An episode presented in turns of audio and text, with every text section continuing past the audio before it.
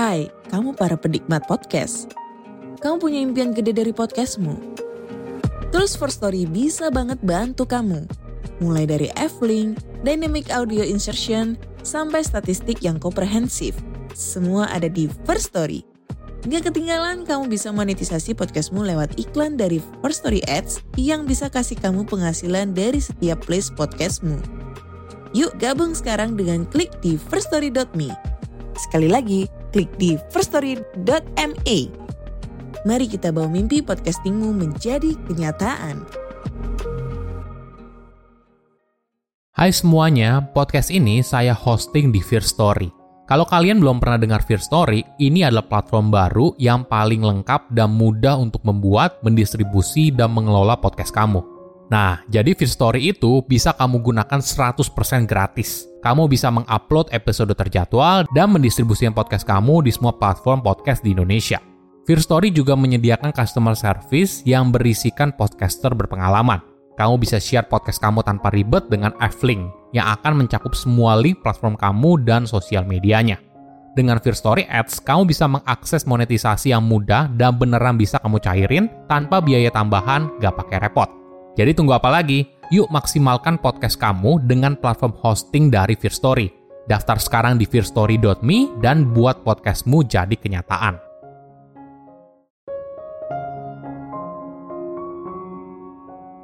Apakah kamu merasa malu atau tidak percaya diri ketika bicara soal keahlianmu atau pencapaian yang sudah kamu raih? Jika iya, ternyata hal ini bisa menghambat pertumbuhan karir dan juga potensi diri kamu loh. Bisa saja selama ini kamu dibayar tidak pantas karena kamu sendiri yang kesulitan menjelaskan nilai tambah yang bisa kamu berikan. Halo semuanya, nama saya Michael, selamat datang di channel saya, Sikutu Buku. Kali ini saya akan membahas pentingnya untuk bisa mengkomunikasikan nilaimu dengan baik. Ini merupakan rangkuman dari video TED Talk Casey Brown yang berjudul Know Your Worth and Then Ask for It dan diolah dari berbagai sumber. Promosi diri sering kali dianggap sebagai hal yang negatif. Seseorang dianggap sombong, arogan, dan terlalu percaya diri. Alhasil, kita jadi belajar untuk jadi orang biasa aja. Biarkan orang lain yang menilai kemampuan diri kita tidak perlulah kita yang harus bilang apa keahlian dan prestasi yang sudah kita capai. Sayangnya, cara pandang ini mungkin saja menghambat karir dan pencapaian hidup kamu. Perlu disadari, tidak ada orang yang akan membayar kamu sesuai dengan nilaimu. Mereka hanya akan membayar kamu sesuai dengan nilai yang mereka pikirkan di kepala mereka. Nah, ketika kamu bisa mengontrol apa yang mereka pikirkan, maka ini adalah hal yang luar biasa. Gimana caranya? mungkin kamu perlu belajar untuk bisa secara jelas mengkomunikasikan nilaimu sehingga kamu bisa dibayar dengan pantas. Sebelum kita mulai, buat kalian yang mau support channel ini agar terus berkarya, caranya gampang banget. Kalian cukup klik subscribe dan nyalakan loncengnya. Dukungan kalian membantu banget supaya kita bisa rutin posting dan bersama-sama belajar di channel ini. Apakah kamu ingin dibayar dengan pantas? Mayoritas orang pasti mau kan? Tidak peduli apakah kamu pemilik bisnis, karyawan, atau pencari kerja. Pastinya kamu ingin dibayar dengan pantas. Namun sayangnya, kita sering kali terjebak dalam kalimat, kalau kamu hebat, gak perlu diomongin, nanti orang-orang tahu sendiri kok.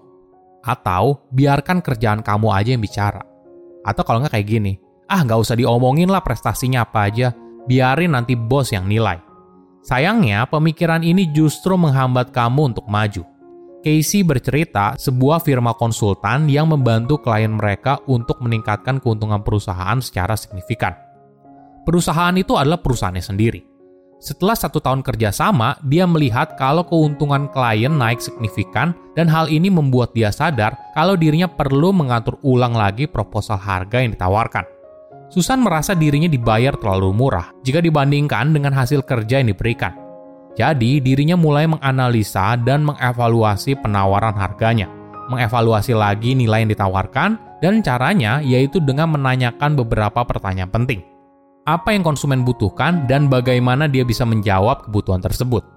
Apa keahlian unik yang bisa membuat dirinya lebih baik dalam melayani konsumen? Apa yang saya lakukan tapi tidak dilakukan oleh orang lain? Apa masalah yang saya selesaikan untuk konsumen? Apa nilai tambah yang bisa saya berikan? Susan lalu mencoba menjawab semua pertanyaan itu dan mulai mendefinisikan ulang nilai yang diberikan kepada kliennya. Menghitung imbal balik investasinya dan apa yang terjadi. Ternyata setelah dihitung ulang, dia memberikan penawaran harga yang terlalu rendah. Dia perlu menaikkan harga dua kali lipat. Tentunya kenyataan ini cukup menakutkan. Wajar saja ketika kita menaikkan harga dua kali lipat, ada ketakutan di dalam diri kalau kita bisa kehilangan klien kan? Susan yakin kalau itu merupakan harga yang pantas dengan nilai yang ditawarkan. Tapi tetap saja ketakutan itu masih ada. Bagaimana bila keputusan ini justru membuat bisnisnya gagal? Apa yang terjadi? Ketika ada klien baru, Susan menyiapkan proposal dengan harga yang baru dan menjelaskan bagaimana nilai tambah yang diberikan mampu menjustifikasi harga tersebut. Di luar dugaan, kliennya tetap bekerja sama, malah merekomendasikan Susan kepada calon klien yang baru. Pelajaran berharganya adalah rasa takut dan keraguan diri merupakan hal yang normal. Namun perlu diingat, semua hal itu tidak menentukan nilai diri kita yang sesungguhnya, dan jangan jadikan itu sebagai patokan untuk membatasi potensi penghasilan kita. Ada kisah lain yang menarik. Kisah ini berisi tentang seorang wanita yang belajar mengkomunikasikan nilainya dan pada akhirnya menemukan siapa dirinya – Wanita ini menjalankan sebuah perusahaan yang menawarkan jasa pengembangan website yang sukses dan memperkerjakan beberapa orang. Ketika dirinya memulai bisnis dan beberapa tahun setelahnya, wanita itu selalu bilang kalau dirinya punya perusahaan jasa pengembangan website yang kecil. Kalimat ini mengecilkan dirinya di mata klien dan calon klien. Dan tentu saja yang jauh lebih penting, mengecilkan dirinya sendiri. Hal ini tanpa sadar ternyata mengaruhi kemampuan dia untuk dihargai sesuai dengan nilai yang diberikan. Gaya komunikasi ini juga tanpa sadar membuat dirinya jadi rendah diri atas nilai yang bisa ditawarkan. Hingga akhirnya wanita ini sadar kalau dirinya harus berubah. Penting untuk menemukan suara hatimu sendiri. Sesuatu yang original dan ibaratnya kamu banget. Apa yang membuat kamu sangat bersemangat saat bekerja? Hubungkan itu dan kamu akan mengkomunikasikan nilaimu secara lebih alami. Satu perubahan nyata yang dilakukan wanita itu adalah berhenti menyebut perusahaannya adalah perusahaan yang kecil. Perubahan ini membuatnya lebih percaya diri ketika bertemu klien dan calon klien. Lalu mengkomunikasikan nilai tambah yang bisa ditawarkan. Bahkan wanita ini berhasil menaikkan harganya hingga tiga kali lipat dan bisnisnya terus berkembang. Perubahan lain adalah ketika klien mengajak meeting dan membahas soal performa kerjanya. Di masa lalu, meeting ini menjadi momok bagi dirinya sendiri. Dia sering kali merasa takut dan panik.